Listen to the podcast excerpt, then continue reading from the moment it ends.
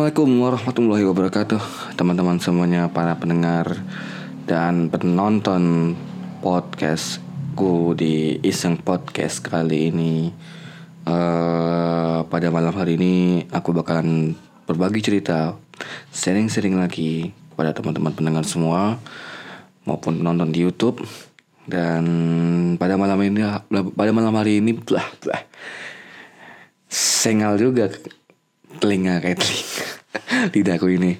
So uh, jadi gini, uh, aku mau bakalan cerita tentang gimana sih kehidupan perkuliahan di Jogja. Kemudian gimana sih uh,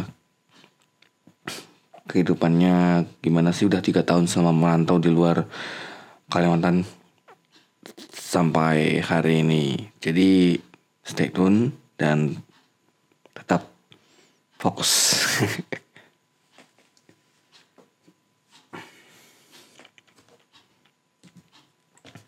Oke, okay, untuk uh, pada segmen kali ini aku bakalan sharing-sharing mengenai gimana sih dulu aku bisa sampai di Jogja, kemudian uh, gimana sih per, per, apa kehidupan pertama aku kuliah di Jogja tuh kayak gimana. So, Aku aku udah sekitar tiga tahun di sini, tiga tahun di Jogja, udah cukup lama. Kemudian uh, kalau di eh kalau dibilang lama sih tidak terlalu lama, cuma cukup lah. Kalau menurutku itu adalah cukup tiga tahun adalah waktu yang cukup lama merantau kemudian sekolah di sini Jogja dan pertama kali aku datang ke Jogja itu ke kisaran tahun 2016-an. Itu untuk uh, mengurus ini daftar ulang, kalau tidak salah. Ya, waktu itu aku daftar mau daftar ulang, uh, daftar ulang di salah satu perguruan tinggi negeri, eh, perguruan tinggi swasta, uh, WI, ya jadi aku mau daftar ulang di UI dan itu sebenarnya bukan daftar ulang, itu meminta waktu kompensasi aja. Jadi kemarin itu sebelum ke UI aku juga daftar SBMPTN dan UM utul di UGM. Nah, eh, lalu itu waktu itu aku tinggal di rumah sepupu jadi sepupu udah kuliah di sini duluan. Sepupu udah kuliah di sini duluan dan dia punya rumah dong di sini. Lalu uh, aku tinggal di situ. Mungkin kisaran tiga harian. Aku sama bapakku, kalau tidak salah, ya itu tinggal di rumahnya sepupuku. Kemudian kami juga melakukan daftar daftar ulang dan meminta perpanjangan waktu untuk di WI Kenapa? Karena aku juga menunggu waktu pengumuman ini pengumuman SBMPTN waktu itu. Dan menunggu juga untuk pengumuman UTUL UGM. Jadi kami juga meminta waktu untuk ya sedikit memanjangkan waktu lah. Seperti itu. Kemudian aku pulang lagi ke Kalbar. Lalu pergi lagi ke Jogja itu dalam rangka kalau tidak salah itu utul. Jadi utul UGM itu dimulai setelah aku daftar ulang beberapa bulan kemudian itu langsung utul. Dan aku pas itu dengan omku. Nah, perbedaannya adalah dulu eh dulu waktu aku daftar ulang di WI kan itu kalau tidak salah aku tinggal di tempat sepupu kan. Tadi itu tuh di daerah orang nah itu tidak terlalu jauh dari kampus kampus UI kemudian aku tinggal untuk untuk utul itu di tempat kosnya omku. Jadi dulu dulu omku juga sempat mengenyam pendidikan di Jogja mengambil uh, eh, S2-nya di sini, kemudian sempat juga ngekos daerah-daerah kalau tidak salah daerah-daerah Baciro, kalau tidak salah itu ya. Baciro itu tempat kosnya omku. kemudian eh kami juga apa ya sempat ya terutama omku ya omku itu sempat nostalgia dulu sama orang-orang di kosnya sama ibu kosnya segala macam. Dan ya aku juga merasakan gimana sih kehidupan di kos kayak kayak bagaimana kita mencari makan dan bagaimana caranya bertahan hidup lah istilahnya. Oke okay. uh, eh, aku ke Jogja waktu itu sekitaran waktu musim utul ya tidak salah. Dan ya aku datang dengan omku dan omku juga udah tahu lokasi dan udah tahu tempatnya dan dia langsung mesan uh, langsung mesan langsung menyewa motor waktu itu. Dia ada kontak penyewaan motor lalu dia menyewa motor itu dan ya dipakai buat jalan-jalan di Jogja. So cukup seru juga sih istilahnya. Untuk apa? Untuk kaliber hanya utul dan itu cuma waktunya cuma empat hari kalau nggak salah empat hari atau tiga hari. Itu di aku di Jogja tidak terlalu lama juga. Kemudian um, sebenarnya teman-teman yang memang pengen kuliah di Jogja ya sebenarnya yang pertama itu teman-teman harus tahu dulu wilayah. Wilayah DIY provinsi DIY. Dari kalau di DIY sendiri itu ada lima wilayah. Yang pertama adalah kota Jogja, kemudian Kabupaten Sleman, kemudian Kabupaten Gunung Kidul, Kabupaten Bantul dan Kabupaten Kulon Progo. Nah, beberapa kampus besar di Jogja itu berada di tiga wilayah yaitu yang berada di ini kampus besar ya bukan kampus yang bukan bukan overall kampus semuanya tapi kampus-kampus besar itu berat banyaknya banyaknya di, ada di Sleman. Kemudian ada di kota Jogja. Sementara di Kabupaten Bantul itu ada cuman ada beberapa yang terkenal. Salah satunya adalah ISI kalau tidak salah. ISI itu berada di Bantul dan UMY sementara uh, UI sendiri kan berada di Kabupaten Sleman tapi untuk fakultas hukumnya berada di kota Jogja di Taman Siswa Nah, pada waktu itu aku sempat berpikir bahwa UI itu ada di kota. Bayangkan, bayanganku adalah UI waktu itu berada di kota. Kenapa? Aku juga nggak ngecek maps waktu itu, nggak ngecek peta. Tapi aku ngelihatnya oh jalan kari orang. Nah, aku mikirnya jalan kari orang ini ke mana ya? Jalan ini nih ke mana gitu loh. Jadi Aku mikir oh ini pasti dekat-dekat kota. Pada saat aku datang dan realitasnya berbeda. Beda sekali dan waktu itu aku di uh, pas daftar ulang kemarin itu. Nah, itu baru pertama kalinya aku kali orang. Dan aku mikir, wah, gila jauh banget untuk mencapai kota. Misalnya ke kalau orang Jogja bilangnya ke, bawah gitu loh. Kalau kita yang tinggal di atas tinggal di kali orang itu bilangnya kalau ke kota pasti ke bawah. Seperti itu. Dan itu jauh banget coy. Sumpah. Mungkin kalau kalau kalian yang tinggalnya di KM 14 atau KM 14 setengah dekat-dekat kampus WI bakalan ngerasain jauh banget untuk sampai ke kota. Kemudian uh, beberapa kampus di kota juga cukup cukup bergengsi ya. Salah satunya adalah mungkin tadi ada FHWI yang ada di kota kemudian UAD UAD itu ada di kota. Ini sedikit sedikit info dan bocoran. UAD kampus berapa ya? Maaf kalau ini salah tak tolong dibetulkan. Mungkin kampus 2 sama kampus 3 sementara kampus 1 dan kampus 4 nya berbeda dan itu ada di kota. Maksudnya di wilayah kota Jogja. Seperti itu. Nah, sementara ada beberapa kampus lagi yang memang cukup terkenal. Namun uh, cukup recommended lah untuk mengenyam pendidikan di sini dan sebelum kalian memilih kampus, kalian pastikan dulu cek cek lagi website kampusnya, kemudian prodi, kemudian fakultas yang ada di kampus tersebut. Dan cek lagi akreditasi. Sebenarnya aku mau bilang akreditasi di awal cuman ya untuk menyemangati kalian kalian harus cek dulu website kampusnya terlebih dahulu lalu cek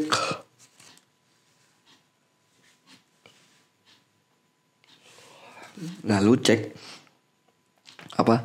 Cek prodinya cek akreditasinya kemudian kalian pastikan juga posisi kampusnya berada di mana. Jangan sampai salah memilih kampus dan ya mengambil jarak yang cukup jauh dari kota.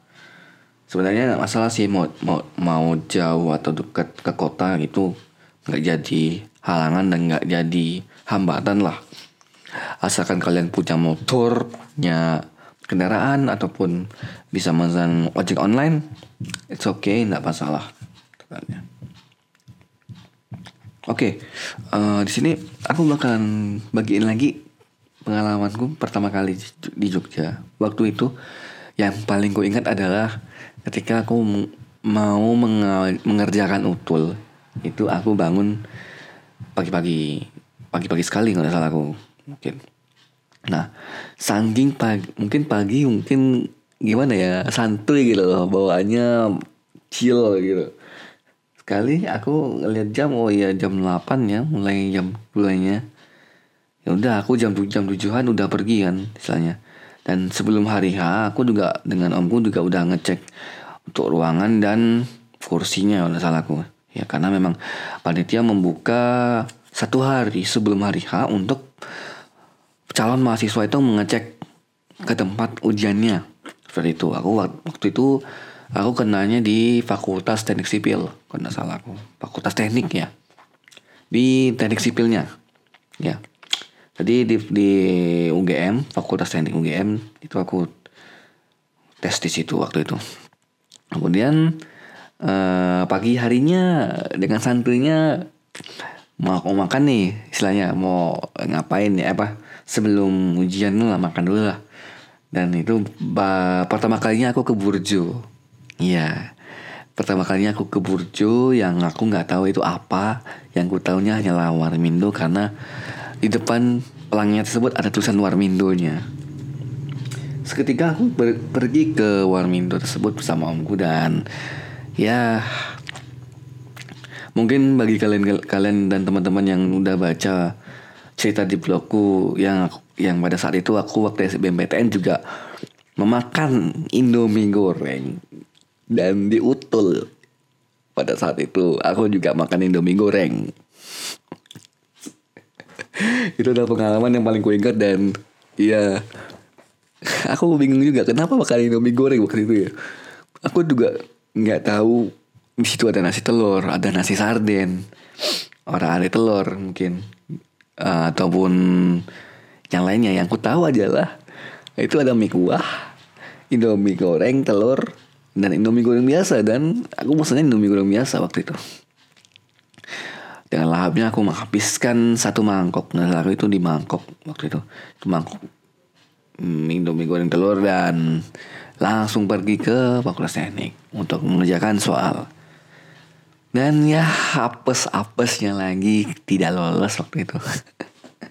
Tapi aku santuy aja sih sebenarnya tidak masalah untuk hal tersebut. Jadi ya maklum lah untuk mengganjal perut sendaknya ya kita juga perlu makanan yang cepat So mungkin Indomie goreng telur, Indomie goreng adalah solusinya seperti itu. Kemudian untuk pertama kalinya tinggal dan menetap cukup lama di dalam kos yang dipilihkan oleh salah satu kerabat keluarga ibuku. Uh, aku sempat pas waktu itu waktu itu ya itu ditinggal orang tua ya. Pada saat ada orang tua aku uh, diajak pergi pasti makannya pasti keluar maksudnya uh, cari restoran atau apa pun tapi pas aku pertama kali tinggal sendirian di sini dan ya pertama kalinya yang cari adalah jalan-jalan sekitar. Dan waktu itu motor juga udah ada. Aku motor beli di sini. Um, jalan-jalan sekitar mencari tempat makan. Ada rekomendasi tempat makan segala macam. Dan waktu itu udah kuliah kan istilahnya. Uh, jadi aku coba tanya-tanya temanku. Dan ada beberapa yang merekomendasi bahwa di dekat kam dekat di dekat kosku ada salah satu mak, apa rumah makan yang cukup murah. Kemudian burjo jangan juga jangan lupa untuk selalu menjadi pilihan utama bagi kalian mahasiswa mager ataupun mahasiswa yang lagi bokeh di akhir bulan bisa memilih Burjo sebagai pilihan terakhir untuk untuk apa? Untuk mengganjal perut. Seperti itu dan uh, tapi kalian juga harus paham apa itu Burjo segala macam bagi orang awam dan orang yang pertama kali ke Jogja pasti bingung dengan burjo itu apa. Sebenarnya banyak artikel kalau kalian kalian kepo artikel dan ya di website-website itu cukup banyak yang menjelaskan burjo itu apa. Yang notabene pada umumnya adalah burjo adalah bubur kacang hijau. Kalau teman-teman sudah sudah paham dan tahu. Namun di Jogja itu cukup ini ya cukup berbeda ya Di mana Burjo sendiri walaupun warung makan yang memang menjual bubur kacang hijau, tapi tidak semua Burjo itu menjual bu bubur kacang hijau. Hampir semua burjo itu hanya menjual makanan biasa saja, ataupun minuman dan gorengan tentunya. Dan yang menjual adalah orang dari Kuningan, Jawa Barat. Itu hampir semuanya ya. Hampir. Walaupun ada beberapa yang tidak berasal dari Kuningan, namun bisa dibilang orang Sunda seperti itu. Jadi di beberapa artikel yang kubaca bahwa yang menjual atau yang berdagang sebagai AA Burjo itu adalah orang dari Kuningan Jawa Barat, tapi tidak semua orang dari Kuningan seperti itu. Hmm, kemudian untuk menu-menunya, menu-menu sebenarnya relatif. Relatif cukup banyak kalau salah aku. Di mana yang paling umum dan paling dasar adalah nasi telur kemudian indomie goreng dan indomie kuah. Itu mau pakai telur pandai ya terserah kalian. Bisa dipilih.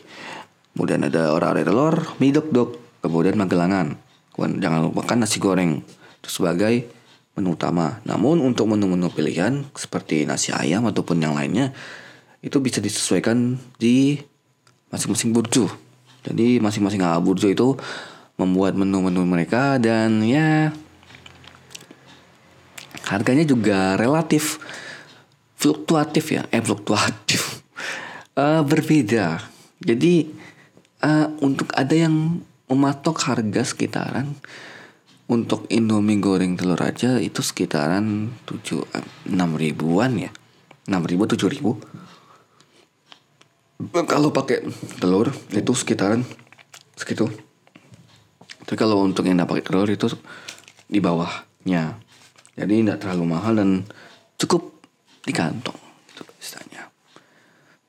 Jadi di podcast kali ini aku banyak ngomongin burjo ya Aduh, bagi teman-teman yang memang penasaran dengan burjo itu apa, monggo datang ke Jogja. Ayo, datang ke Jogja dan ya mungkin kalian bisa langsung cari warung yang ada tulisannya Warmindo ataupun ya dia secara eksplisit bilangnya burjo kalau di pelang di pelang atau bannernya seperti itu. Nah, tapi uh, selain burjo ada juga yang khas dari Jogja sebenarnya. Itu ya itu adalah melimpahnya outlet makanan ayam cepat saji. Kayak ayam KFC gitu cuman dengan kearifan lokal kearifan lokal dan menjamur ya. Di Jogja sendiri itu menjamur untuk kuliner-kuliner seperti itu karena memangnya aku juga nggak nggak terlalu tahu sih kenapa di sini ayam sangat mendominasi olahan-olahan ayam seperti ya tadi ada ya orang arik segala macam. Nah itu sebenarnya adalah olahan ayam yang cukup banyak kutemukan di Jogja. Tapi mungkin tidak hanya di Jogja ya. Di tempat lain juga ada mungkin ya Sa kalau bisa dibilang banyak varian dan banyak outlet yang bila dibandingkan satu-satu itu rasanya berbeda. Tiap ayam satu dengan ayam yang lain tuh beda-beda banget sumpah. Dan um, yang mungkin yang dekat-dekat kampus ya itu ada beberapa nggak banyak juga sih hanya hanya ada dua